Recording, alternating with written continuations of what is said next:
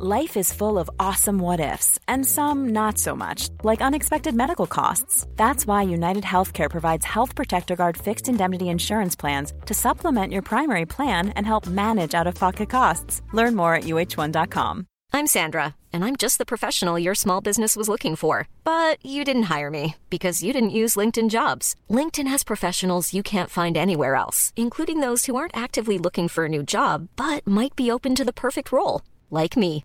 In a given month, over 70% of LinkedIn users don't visit other leading job sites. So if you're not looking on LinkedIn, you'll miss out on great candidates like Sandra. Start hiring professionals like a professional. Post your free job on linkedin.com/people today.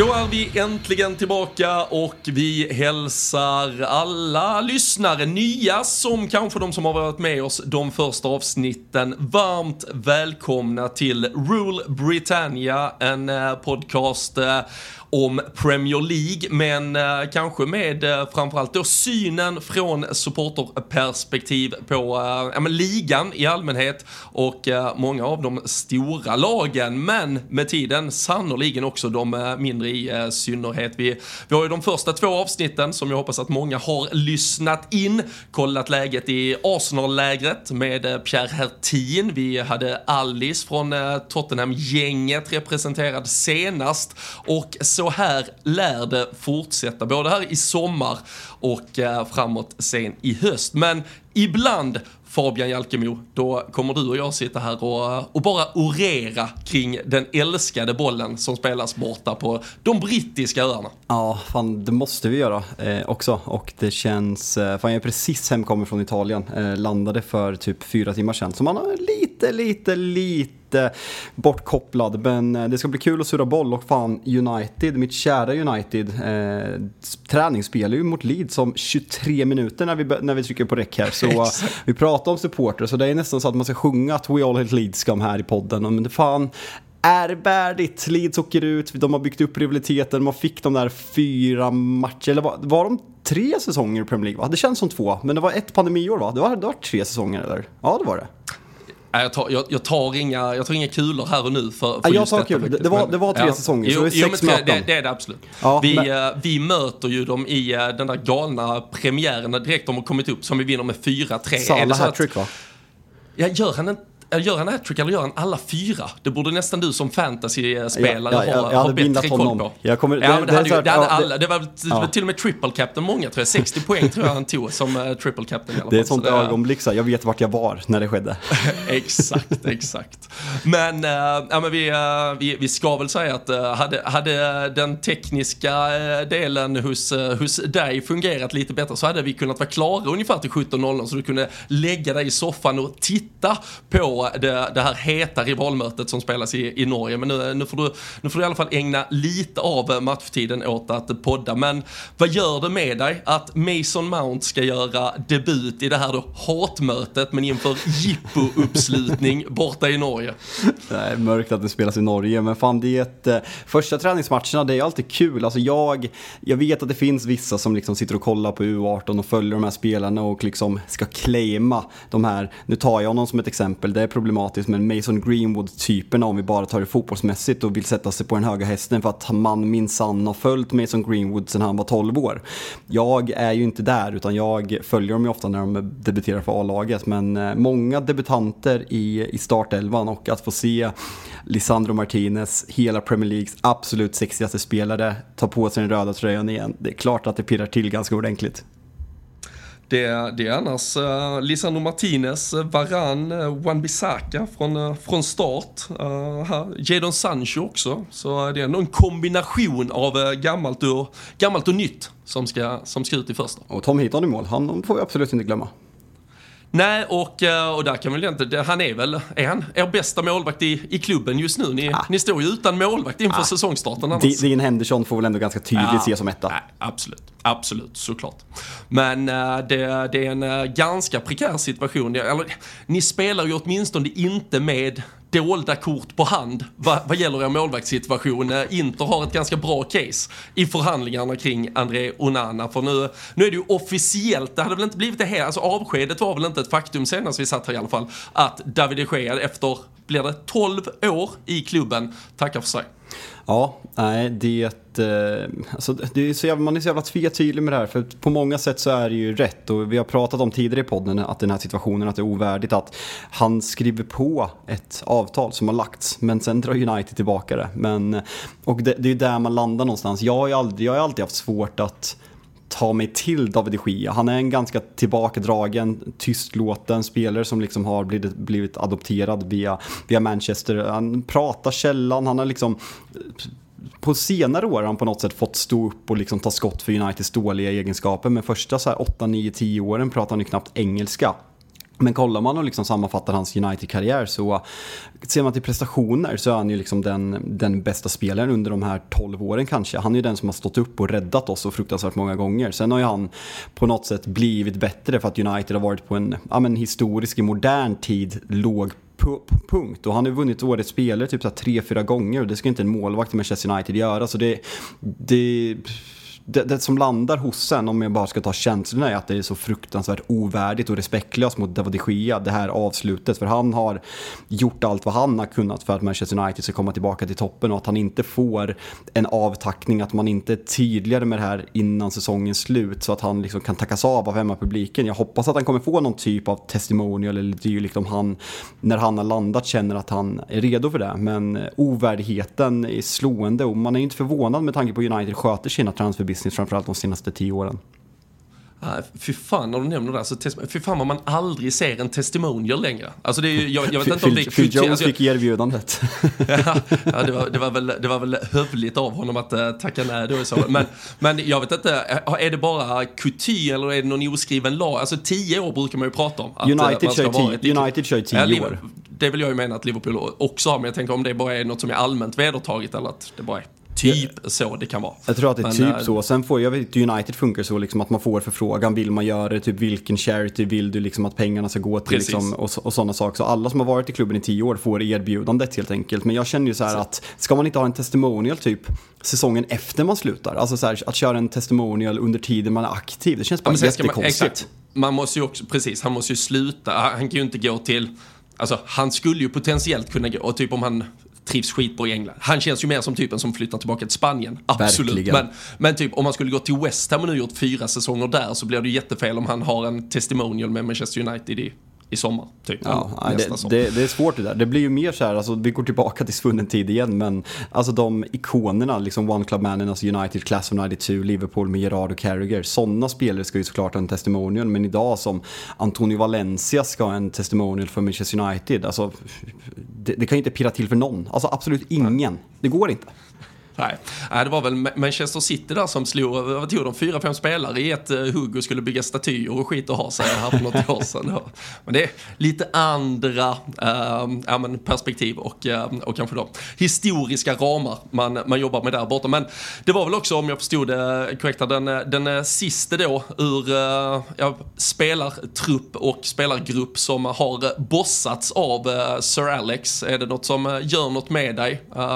det är ju lite tider så här här nu även från Liverpool-håll. Det, det diskuteras ju frenetiskt just idag när vi sitter här onsdag 12 juli kring Jordan Hendersons eventuella icke-vara eller vara i, i klubben och eventuella bud från Saudi eller inte. Och man pratar ja, men då, kulturbärare och ja, spelare som står för något annat än bara prestationer på planen. Att, uh, att det sker då försvinner och tar med sig det här ja, men som ändå blir ett historiskt avslut på en, en era som, som för alla United-fans var det största ni någonsin upplevde antagligen. Um, gör, gör det något eller känns det som att man ändå hade passerat bäst före datum på något sätt vilket gör det enklare att hantera? Alltså David de Gea, jag, om jag ser tillbaka på hans tid i Manchester United så förknippar jag honom 0% med Sir Alex Fergusons tid. Han gör ju en, ja men man minns ju första säsongen han gör när han ja men, kommer in och är valpig och tanig och det är flera tavlor. Han petas av Anders Lindegard. Eh, tåls fan att upprepa. Så att den här usla målvakten som alltså... HIF-legenden sen. exakt, exakt. Att det, det sker mitt under den säsongen blir petad av Anders Lindegard för att sen ta tillbaka platsen. Vinna ligan 12-13 och liksom stråla ut till en av världens absolut bästa målvakter och kanske de tio senaste åren en den bästa skottstopparen om man får uttrycka sig så. Men för mig påminner inte David de Gia om Fergusons tider. För mig påminner David de Gia om ett dysfunktionellt Manchester United som gick till att vara, från att vara en 20-årsperiod, ja men topp tre mest framgångsrika klubbarna i världen och överlägset etta i England till att vinna fuck all. Alltså om vi ska vara helt ärliga, för en fa Cup-titel hit och en ligacuptitel dit och en Europa League-titel i, i Stockholm. Det är, ett, eh, det är inte tillräckligt bra för Manchester United, så för mig blir han på något sätt, ja, men jag ska inte, verkligen inte säga ansiktet utåt, för han har varit liksom den bästa spelaren som jag nämnde innan, men eh, jag, jag känner inget vemod över att Fergusons sista spelare lämnar Manchester United. Det är snarare att jag, jag ser Erik Den Hag som en jävla nystart. Eh, så inget, inget sånt överhuvudtaget faktiskt. Ja. Nej, och jag tycker ju framförallt, det ligger ju verkligen något eh, i det du säger att de säsongerna man minns där det sker har varit bäst är ju de säsongerna där, där, där, man kanske minns er som kollektiv har varit sämst eftersom han just har haft sin styrka i när det blir väldigt mycket avslut mot honom, det vill säga när kollektiva försvarsspelet har varit så svagt och ni dessutom då i, i matcher har blivit mer nedtryckta än vad ni normalt sett kanske brukar vara. Det, jag vet säsonger där ni kanske till slut har landat på en femte, sjätte plats, vilket på alla sätt och vis har varit alldeles för dåligt med era mått mätt, men när man ändå har känt att fan, utan de Gea hade det nog fan varit 10-11, mm. där, där det var riktigt, riktigt dåligt. Så det, det säger väl också någonting, alltså jag, jag, jag förstår ju verkligen, det, det blir svårt att bedöma en spelare som så förknippat, är, eller där han så för, eller blir förknippad med att hans prestation alltid har varit bra när laget i övrigt har varit dåligt, när det har gått hand i hand. Då, då är det ju ja, det, det, är ju, det är ju bra tendens ifall han framåt inte behövs, eh, kan man väl konstatera. Ja, och jag tycker att alltså, det ovärdiga, det, det har vi redan gått igenom, men att Erik Ten Hag återigen får sätta sin prägel på det här laget. Det är väldigt tydligt att det är han som har varit ett stort fan och liksom pushat för mig som Mount-värvningen och nu talar ju allting för att Onana från Inter, som han har haft tidigare i Ajax och han vet kan spela hans spel med fötterna, kommer in. Så jag gillar att ledningen fortsätter att lita på Erik Ten Hag, att hans sätt att bygga laget, för det fanns ändå väldigt fina tendenser förra året. Sen måste vi bara nämna jävligt tråkiga nyheter när vi är inne på målvakter i United, att det kom ut, publicerades från Ajax Ajax eh, sociala medier att den tidigare United-målvakten och även Fulham-målvakten Edwin van der Sar drabbas av en hjärnblödning. Men eh, sköna nyheter idag att han ska vara liksom, det ska vara stabilt och han kan kommunicera. Så eh, att det, vi, vi följer det och skickar verkligen uppmuntrande ord och hoppas att han tillfrisknar snabbt. För det där, det där är en målvakt och en människa som jag älskar. Alltså vilken spelare och vilken människa Edwin van der Sar är. Ja, ja men verkligen. Ja, det, var, nej, men det, kom ju, det var ju verkligen nyheter från, från ingenstans när det droppade ner här och, eh, och där är ju, det finns ju varken klubb, eh, klubbtillhörigheter eller eh, supporterskap eller rivaliteter som, som sätter någon agenda i sådana sammanhang. Så det är ju bara att verkligen, precis som du säger, hoppas att tillfrisknandet nu går enligt plan. Som du sa, rapporterna idag var väl att det i alla fall är stabilt, men, men sen är det ju alltid ett, ja, men det, det är en jävla väg framåt att gå innan man är hundraprocentig eller på något sätt kan, kan andas ut där. Men eh, när du då nämner, eller där vi då dels diskuterar David de Gea och eh, sen även slänger in ändå Edvin van der Sar i, i diskussionen. Hur, eh, hur eh, högt eh, historiskt, eh, om vi tar i alla fall Premier League-perspektivet, ska vi, ska vi hålla de Gea? Hur ser, eh, om du tittar på eh, de du tycker har varit Premier Leagues allra bästa målvakter under de senaste då, ja men 25-30 åren, vilka, vilka är det som dyker upp i toppen för dig?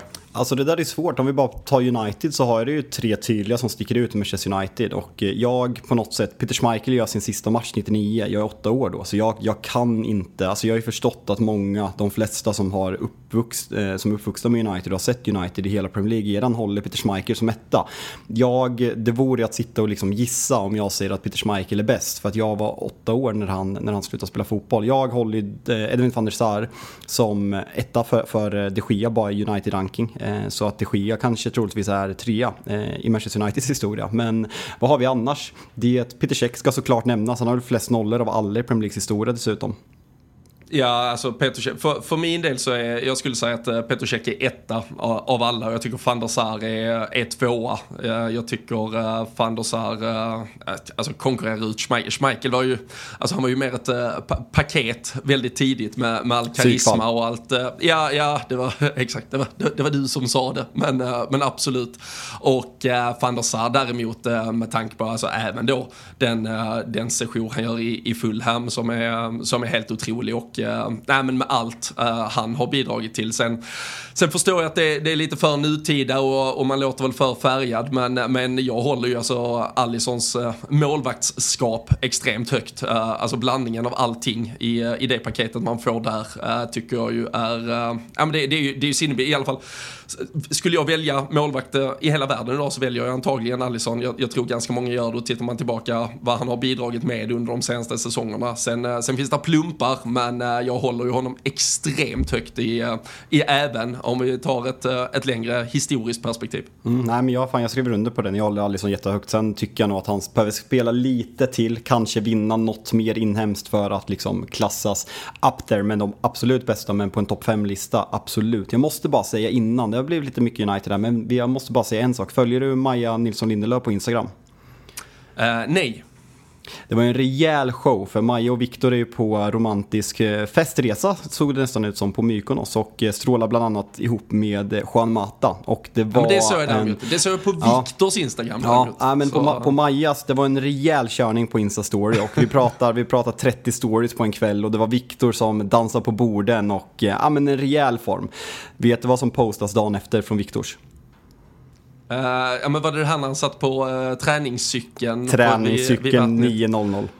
Jo, jo, jag vet. Då hade han ändå dagen innan det lagt upp någon uh, sjurättersmiddag också med, med whiskyprovning och skit också. Så det, det, det är ett märkligt, alltså från Liverpool-håll just nu så pumpas man ju bara med det är de här jävla lactate-testerna som, som görs och det ska vara body fat på, på 0,0 och Jordan Henderson och Mohamed Salah tävlar Alla var så imponerade av, av Henderson. Exakt, men äh, där är ju, äh, jag vet inte om det är att Viktor är äh, alltså bara väldigt, väldigt öppen och ärlig eller att han är lite dum nästan. För det, det, kan ju snabbt komma, vi vet hur media funkar och supporterskapet och det kan ju snabbt komma tillbaka och, och bita en om, om någon då kan hitta något som antyder på att man inte har lagt varenda jävla vaken sekund på att förbereda sig på, på försäsongen. Men jag kan ju tycka det är befriande att han också tar ett par dagar av semestern till att skjuta ut sig fullständigt. Ja, alltså jag backar där. Alltså jag, jag har ju många gånger kritiserat Victor Lindelöf för att vara ganska, men jag har svårt att ta till med honom för att han är väldigt opersonlig i intervjuer, både som svensk landslagskapten men även i Manchester United. Så att se honom släppa loss på semestern, det tycker jag bara är befriande. Men jag tyckte att det var så, det kändes så extremt utstuderat när Maja liksom filmar en rejäl utskjutning och sen ändå då så här, träningscykeln 9.00. Det backar, backar honom. Ja, absolut. Man vet att de har ställt klockan, tagit bilden och så har han däckat direkt igen efter det. Men äh, det, det, det är snyggt. Eh, det var väl, eh, på tal om sociala medier, det var väl ungefär Marcus Rashford delade väl också ut en... Han, fick, han, han, han, åkte väl i den här fällan där man jobbar med ett team på sociala medier där det var någon som hade skrivit, vad var det, caption proposal, så här, förslag på, på caption till att hylla David de Gea. Men han tog ju med den där lilla texten innan på att det där är ett förslag från någon uh, content manager liksom. Det, ah, Oväntat. det kämpas på. Så, såg du vem Rashford hängde med i när han är i USA eller? Nej. En lagkompis. Malaysia. Oväntat. Ja, fint ändå. Ja, det fint känns som att Malaysia, han försöker klä sig som Rashford, en liten, liten maskot nästan. Ja, men så här, det, det, det är ju som vi har Costa Simikas i, i Liverpool. Alltså, hade Mohamed Salah sett till honom så här, ja, men, prova att äta eh, något brinnande eldklot. Alltså, ja, ja, ja, jag gör, jag gör allt du säger Salah, det är klart. så det, nej, men det, ja, men det är fint ändå att, uh, att vi uh, även får se dem som människor vid sidan av planen. Och utan att fastna för mycket i Manchester United så tycker jag ändå på tal om svenskar i den där klubben också att vi bör ta en sväng förbi Anthony Elanga. För att hans framtid kanske inte finns på Carrington. Det börjar väl kännas mer och mer troligt i alla fall. Och eh, Everton, senast eh, av klubbarna som uppges väldigt intresserade. Alla som inte platsar i Manchester United är ju alltid intressanta för eh, Everton.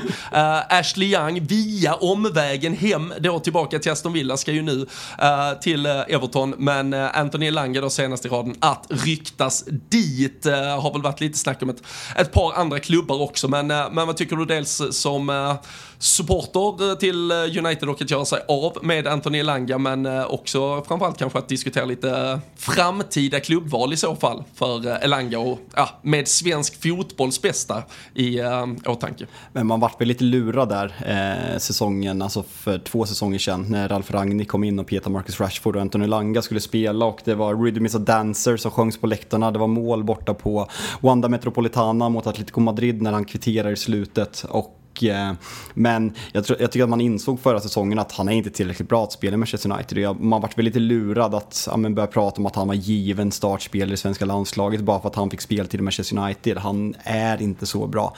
Det finns en jävla inställning, en träningsvilja och en speed eh, som ja, men, kan göra sig. Ja, men, jag tror inte att han kommer bli bättre än ett bottenlag i Premier League. Jag tror inte att han kommer sticka ut på något sätt i Everton, men det är väl någon typ, någon klubb av den digniteten. Sen är ju Everton kollar man på värvningar de gör och vad de ryktas till, alltså vill de åka ut? Alltså de är ju, alltså de är liksom great escape två säsonger i rad, men att man går på de här spelarna och Ashley Young, ja, nej fan, jag tycker synd om Everton. Det är inte du misstänker jag.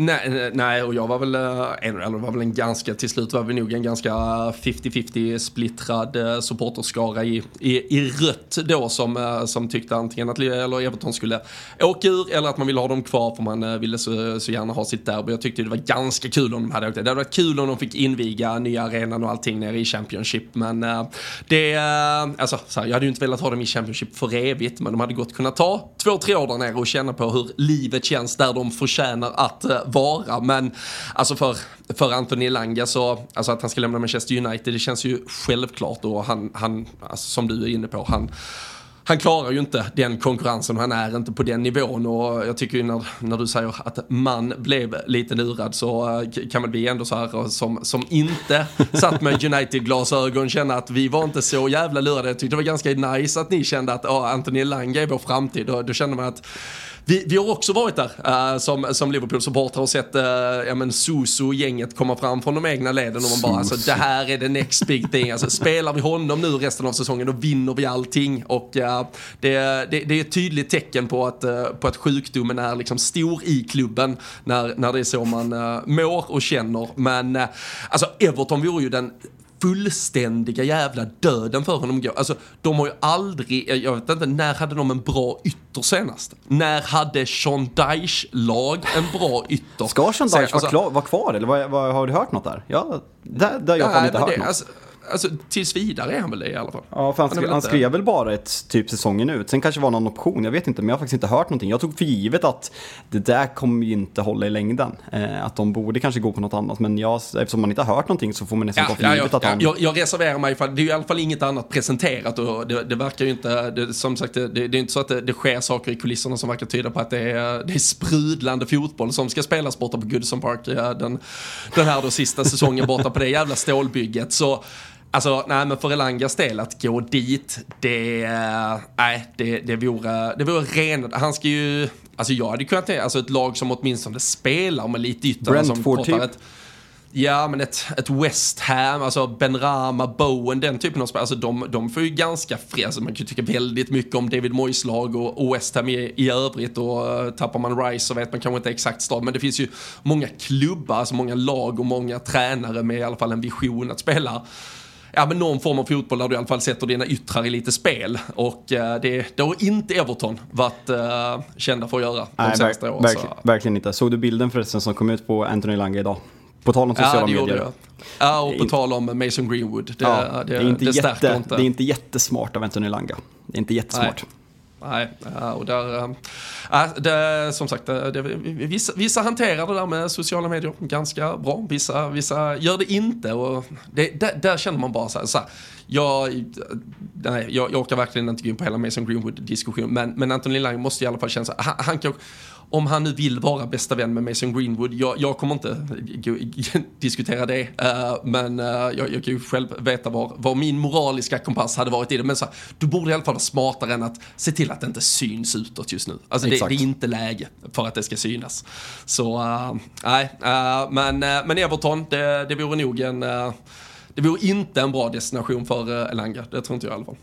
Nej, det är verkligen känslan. Men det blir, det blir intressant att följa, följa. Det känns som att, alltså vi pratar om att det bara small på transferfönstret. Nu är inte Timber eller Declan Rice presenterat för Arsenal, men de ska ju vara klara. Liverpool har gjort klart med, med två ja, men stora värvningar. United har klippt Mason Mount, Chelsea har ja, men värvat allt och fortsätter värva allt och ryktats till allt. Men nu har det liksom mattat av, mattat av lite, så frågan om det var den där deadlinen för räkenskapsåret eller Q2 eller vad det blir på 30 juni som gjorde att det speedade upp. För nu känns det mer normalt och att det inte ryktas lika mycket. Det är ju varenda spel eller ryktas till Saudi, nu senast eh, Mitrovic och igår eh, Milinkovic Savic som gick från, eh, från Lazio. Och eh, fan, eh, om vi varit oroliga för Ruben Neves eh, övergången, att spelare sin prime går, eh, om en spelare som Milinkovic Savic kan gå dit och säga att han bara vill gå dit, det är, ett, eh, det är nog början på något jävligt mörkt det här, om man inte redan visste det.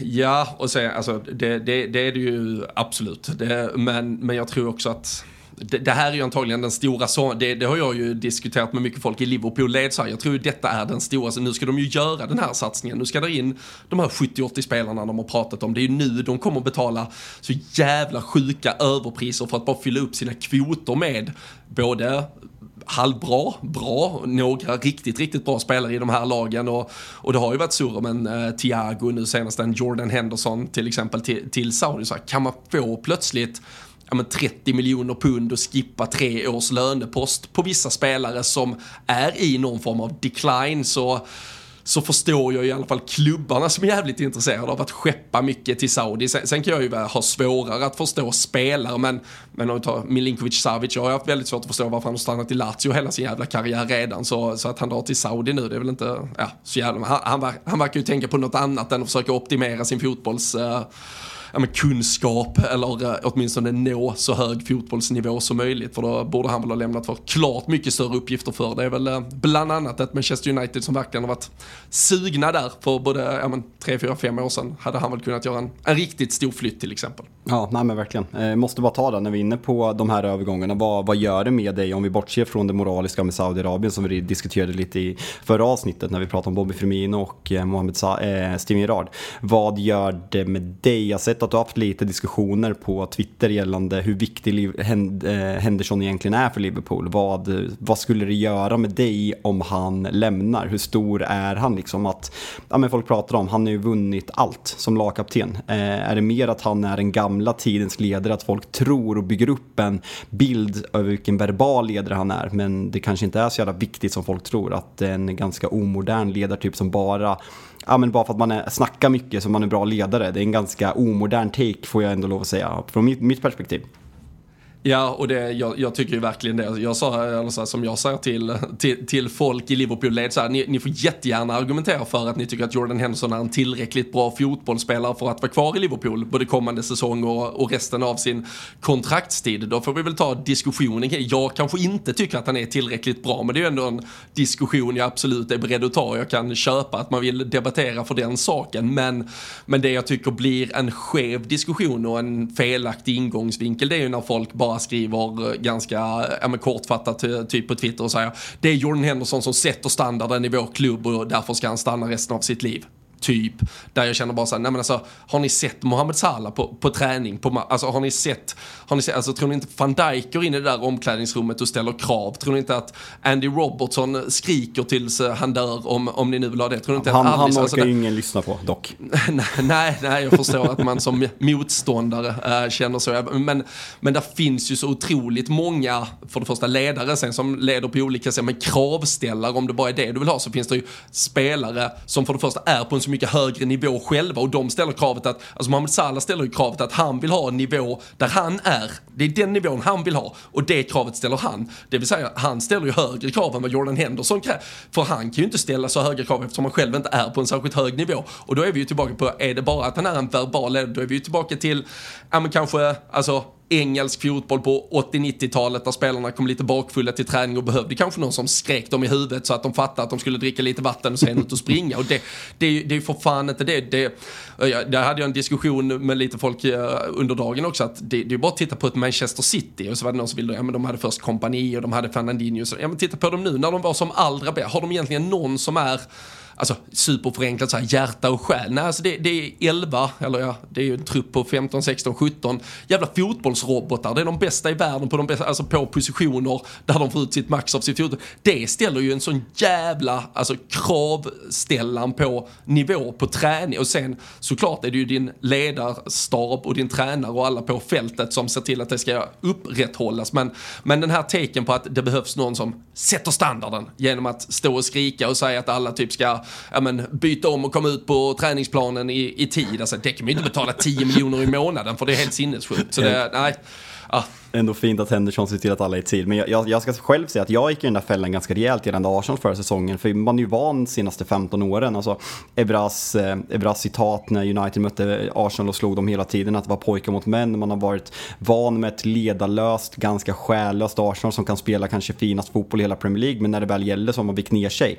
Kollar man utifrån på spelarna man har nu, man har liksom, ja men William Saliba, han har liksom kommit upp till en ledare nu, absolut. Gabriel, man visste inte mycket om honom. Sinchenko har kommit in, han är liksom en verbal ledare, kanske den största i Arsenal. Xhaka är bara ett psykfall på det centrala mittfältet. Partey har man aldrig sett prata. Ben White, ja, axelryckning. Sen Ödegård, binden bara så här, vad fan. Men sen har man insett, alltså jag insåg verkligen det senaste året. Jag sa så här att Arsenal är ledarlöst och när man torskar matchen mot United i början av säsongen så kände jag bara, men där, de är en bluff. De kan inte hantera de stora matcherna. Men det är likadant där. Ödegård leder ju genom sitt sätt att spela fotboll. Han behöver inte stå och skrika som Roy Keane eller Patrick Vieira eller även Steven Gerrard. Alltså 90-talets, även 00-talets ledare Frank Lampard, det är den ledaren man, man ser när man vill beskriva. Då är De Bruyne i City som gör det på samma sätt. Det, Exakt. Alltså, han, bara, han ser till att vara bäst och då vill alla leva upp till hans jag menar, man, vill, man vill vara i hans magnetfält och då behöver du vara på så jävla hög nivå hela tiden. Exakt, och det är där jag tycker Arsenal är ett praktexempel. City har man ju vant sig med att de, att de är sådär, alltså Bernardo Silva, alltså KDB, Rodri, alltså de är sådana jävla ledare via det sätt att spela. Men Arsenal har ju även kommit dit och det är ju tillsammans med vad Arteta har gjort, även någonting som har bidragit till att Arsenal, nu vek man ner sig i slutet, absolut, men det var fruktansvärt många matcher där, där man stod liksom och normalt sett så, Arsenal får inte in ett mål här, men det var mycket last minute winner i, i år och det tror jag beror mycket på den här den nya moderna typen av ledare där alla höjer varandra, vilket Arsenal har varit ett praktexempel på, något som verkligen har gått bra senaste åren. Ja, nej, eh, jag, mm, jag, jag, jag, tror att, eh, jag tror att ett eh, Liverpool utan Jordan Henderson kommer att ha exakt samma kvalitet på, på både träning och match och att det finns tillräckligt många andra som kan axla om man säger, den rollen ifall man nu tror att det, det, det, det otala eller outtalat om det finns en sån, eh, eller ett sånt behov där ute. Så, eh, sen eh, som sagt, om, om det är nu man ska sälja eller inte bara för det, det, det kan man ha en annan diskussion kring. Men, men jag tror som sagt att det finns, det finns pengar att hämta i Saudi för spelare som normalt sett inte hade kunnat generera transferintäkter. Och skulle bud komma så får man väl överväga det. Nu är väl det, det senaste här att det dock inte ska vara någonting. Jag vet också att mycket journalister på Merseyside gick Jordan Hendersons ärende ärenden för eh, två år sedan när han skulle förhandla nytt kontrakt. Då var han ju tydligen minuter från att eh, signa för både Atletico Madrid och PSG och alla möjliga och sen hade han ett nytt fett Liverpool-kontrakt. Är det ditt hat mot James Pearce som kommer fram nu eller? Ja, det ligger alltid nära till hands, eh, ligger och, och bubblar. Det, det, kommer folk äh, lära sig med den här poddens äh, tid framåt. Det är ju ja, tidigare Liverpool Echo-reportern och numera Liverpools ja, stora namn på The Athletic ifall man inte redan har koll på honom. Men nej, han, han avskyr Han är ständigt, ständigt etta på, på en hatlista. Det, det ska gudarna faktiskt veta. Dags att börja med hatlista här alltså. Ja, men det, det, det lär vi ju uh, ofta uh, landa i när vi, eh, när vi väl tar oss igenom avsnitten. Framförallt när matcherna är igång och det kommer finnas saker att uh, hata varenda vecka. Men du, på tal om att affärer kanske har gått lite i stiltje, man kan väl också tänka sig att det var en del affärer som ja, klubbar har då jobbat med länge och som man ville ha klart innan försäsongen drog igång. Vi har ju pratat om att många lag har återsamlats nu för att ha de första testerna och ni är till och med igång med, med matchspel nu här. Men en som faktiskt blev officiell idag och eh, det är ju en, eh, ja men ytterligare en jävla pangvärvning lite sådär under radarn eftersom de, ja de lever ju fortfarande i, eh, i det ingenmanslandet där vi kanske inte har full koll på hur jävla bra de kan bli under Unai Emery. Men de var ja, men andra halvans typ näst bästa lag efter Manchester City och eh, Pau Torres nu också klar för detta Aston Villa som redan har plockat in Juri Thielemans. Det, det är bra grejer som eh, händer borta på Villa Park. Ja, men det här är en alltså, fantastiskt bra värvning och jag är, man är väl lite chockad över dels hur tyst det har varit om den här. Den här spelaren ryktas till ja, men flera större klubbar, bland annat Manchester United och att han är född 97, 21 landskamper, han har spelat semifinal i, Europa, i Champions League med Villarreal, han har vunnit Europa League med Villarreal under... Vem, vänta under nu, vem, vem var det? Han, han förlorade Champions League-semifinalen va? Det var mot... Det var mot Liverpool, ja just det. Ja. Sen vann vem, vilka vann de Europa League? Ja, men det var de Gea var- som inte kunde rädda en enda straff, det var hans fel. Ja, just det. Ja, ja, okej. Ja, men lite cirkelslutning där för, för de Gea och, Ja. och Liverpools framgångar och allting. Ja, ja, bra, nej, grattis, grattis, grattis. Hur gick det, hur gick det i finalen?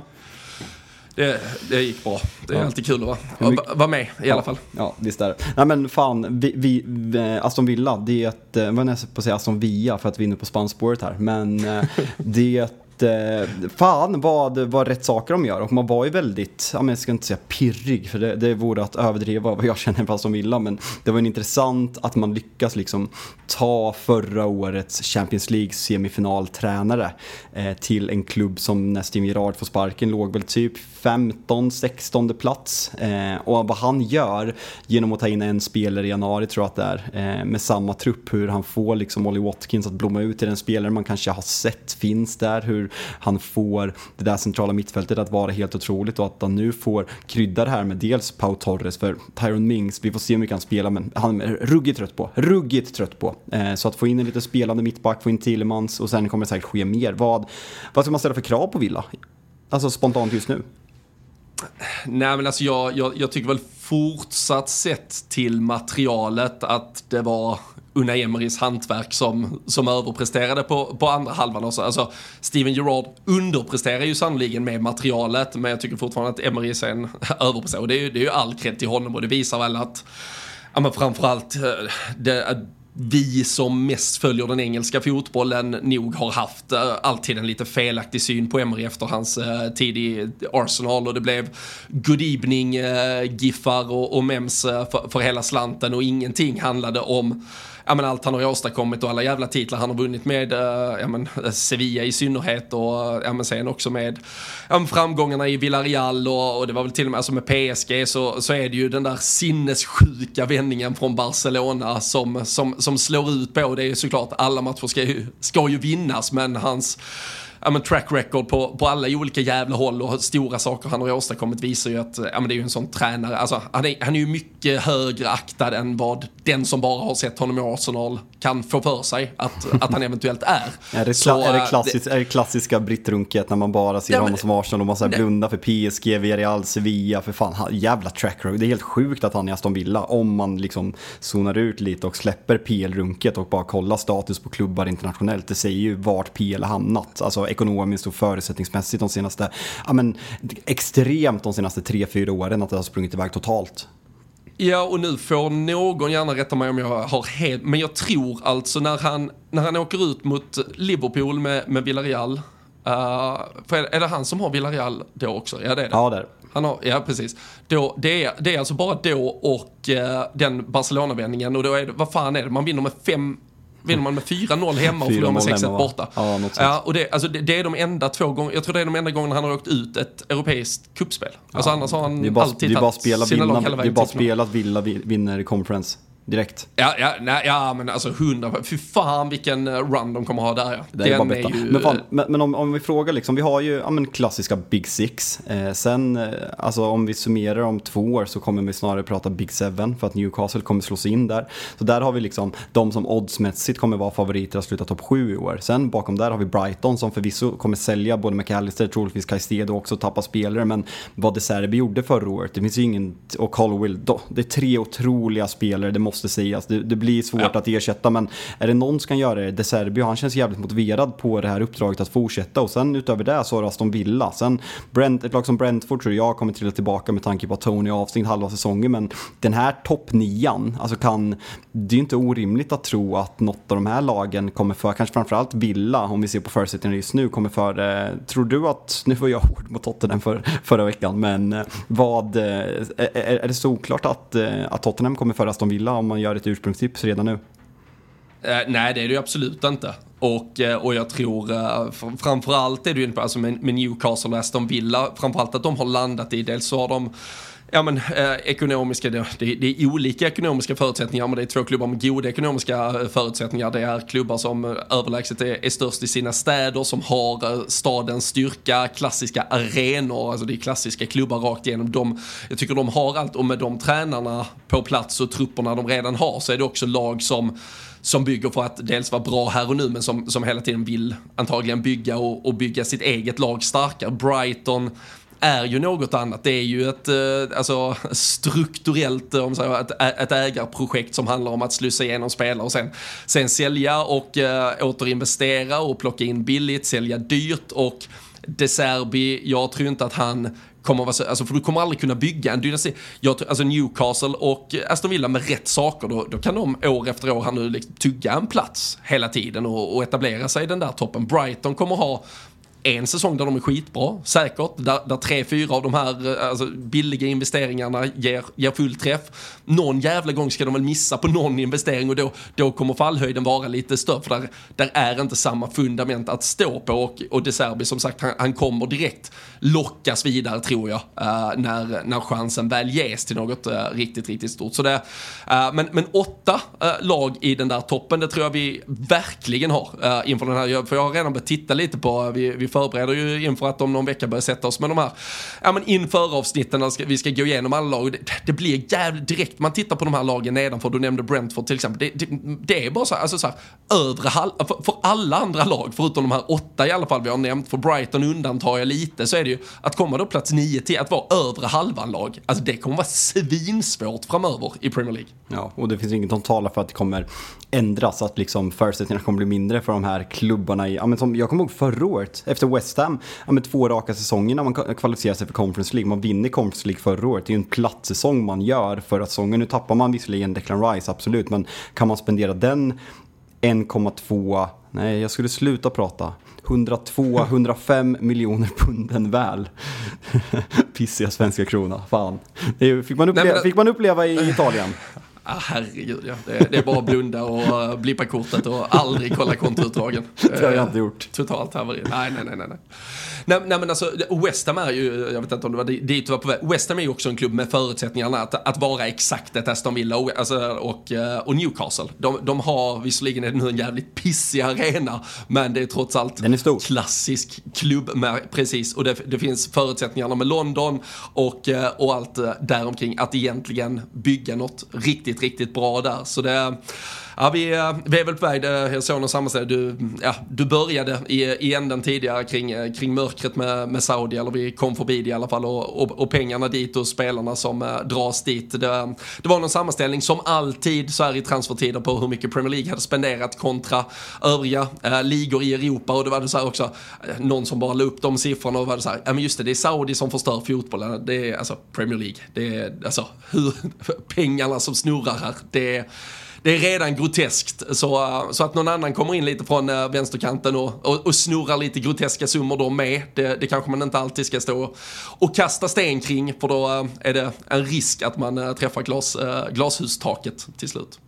Ja, nej, det blir, det blir ett spännande fönster hur man ska summera. Eh, United har hållit nollan första kvarten mot Leeds som ni vill ha, ha lite livepodd här också. Eh, ser, ser riktigt bra ut inför nya säsongen. Mason Mount fenomenalt bra första kvarten. Ja, ja, men det, det, känns, eh, det känns väldigt, väldigt bra att äh, höra. Och äh, vi ska väl säga det också, äh, vi är här i Real Britannia sponsrade av ATG och vi kommer ju längre fram komma med speltips i form av säsongsspelen. De sitter man ju redan också och fnular lite på här i, i samband med att man förbereder inför avsnitten och vi ska gå igenom alla lagen. Så är tanken att vi får ett roligt spel vi kan jobba tillsammans på varje lag. Sen blir det ju tripplar och system poängsystem på Big Nine och annat kul när säsongen väl är igång. Men man kan redan nu gå in på atg.se slash tutto så hittar man allt uh, som, uh, ja men uh, alla spel vi, vi sammanställer och redan nu så finns ju då spel från till exempel Tuttosvenskan där om man följer allsvenskan. Och, ruggig, for, ruggig form på dem faktiskt. Jag är ruggigt taggad på när vi kommer igång med Big Nine för Tapper som är ansvarig där, han, he's going down. Han ska, han ska tystas, eh, absolut. Eh, det är en viktig uppgift eh, vi har framför oss. Och så lägger såklart Olen och Wilbacher sina spel på den europeiska toppfotbollen. Men det gäller ju att alltid spela ansvarsfullt. Minst 18 år ska man vara och eh, skulle man ha problem med spelande då finns såklart stödlinjen.se.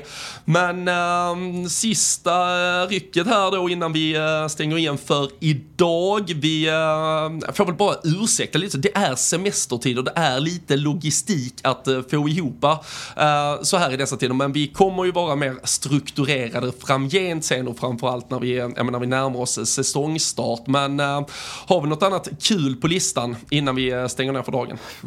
Alltså, vad ska man nämna? Pulisic verkar vara klar för Milan och det är väl bara att eh, sammanfatta att det blev inte vad, vad fan, han, han var jättedyr när han kom till Chelsea och det pratades om han skulle revolutionera den amerikanska fotbollen och bli deras första superstjärna i Europa. Det har inte riktigt blivit som man hade tänkt och nu går de alltså både på Loftus-Cheek och eh, Pulisic. Det är, ett, det är inte jätteljus ljus ersättare till Tonali.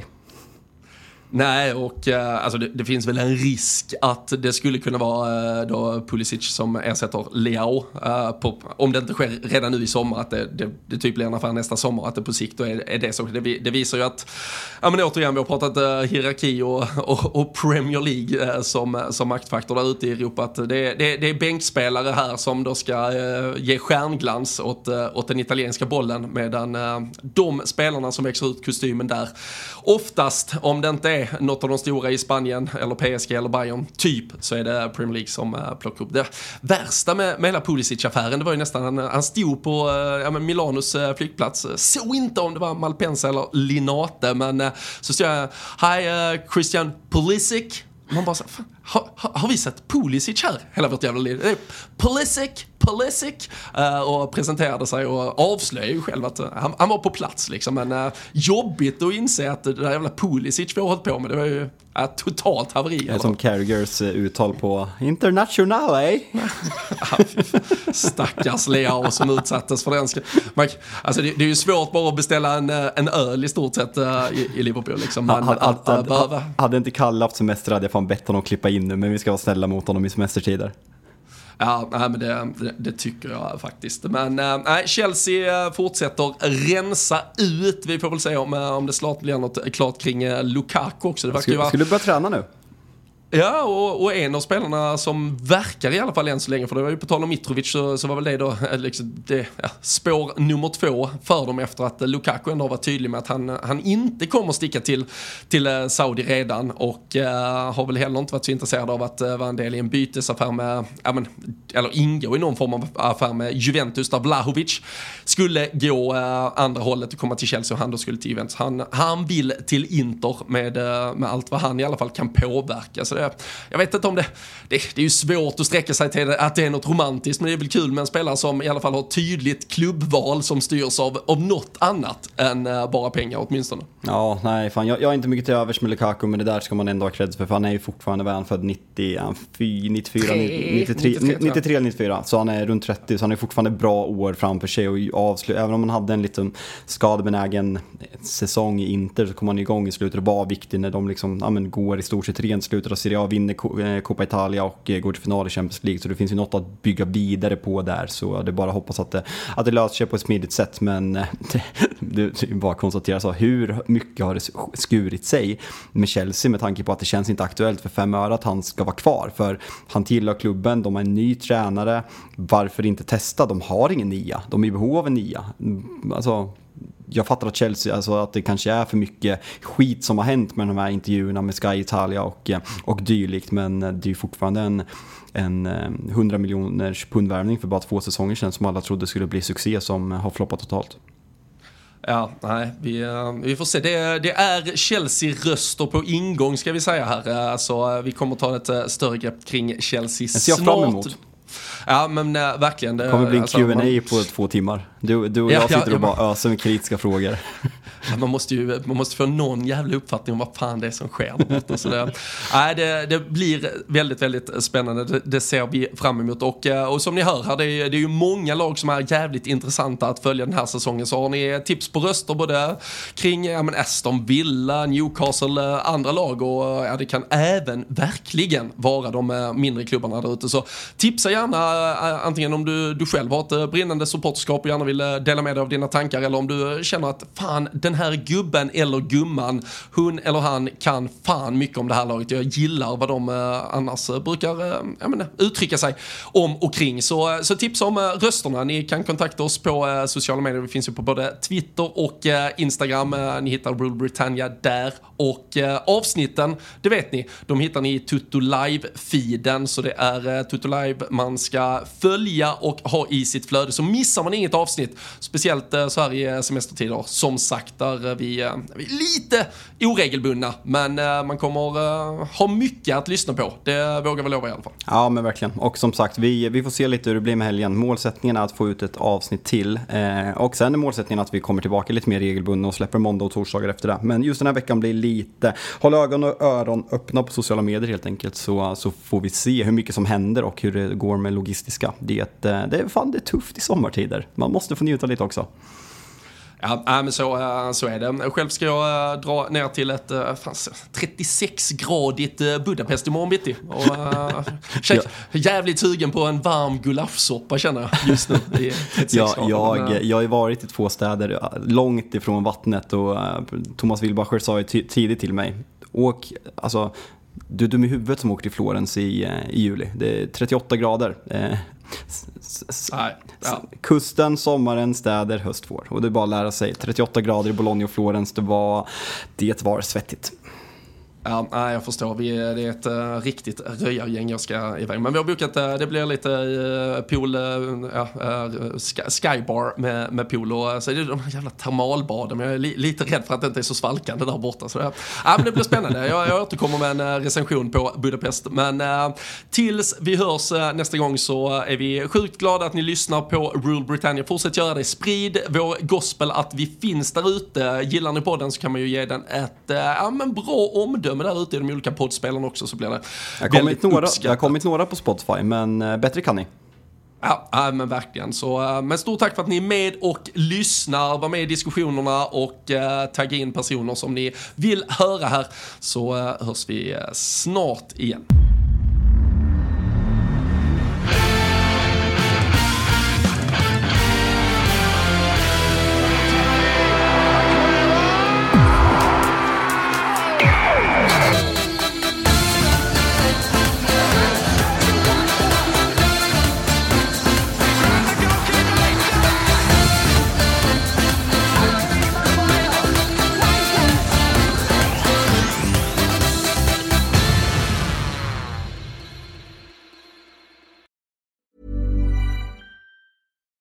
We're on a budget, we still deserve nice things. Quince is a place to scoop up stunning high-end goods for 50 to 80% less than similar brands. They have buttery soft cashmere sweaters starting at $50, luxurious Italian leather bags, and so much more. Plus, Quince only works with factories that use safe, ethical, and responsible manufacturing.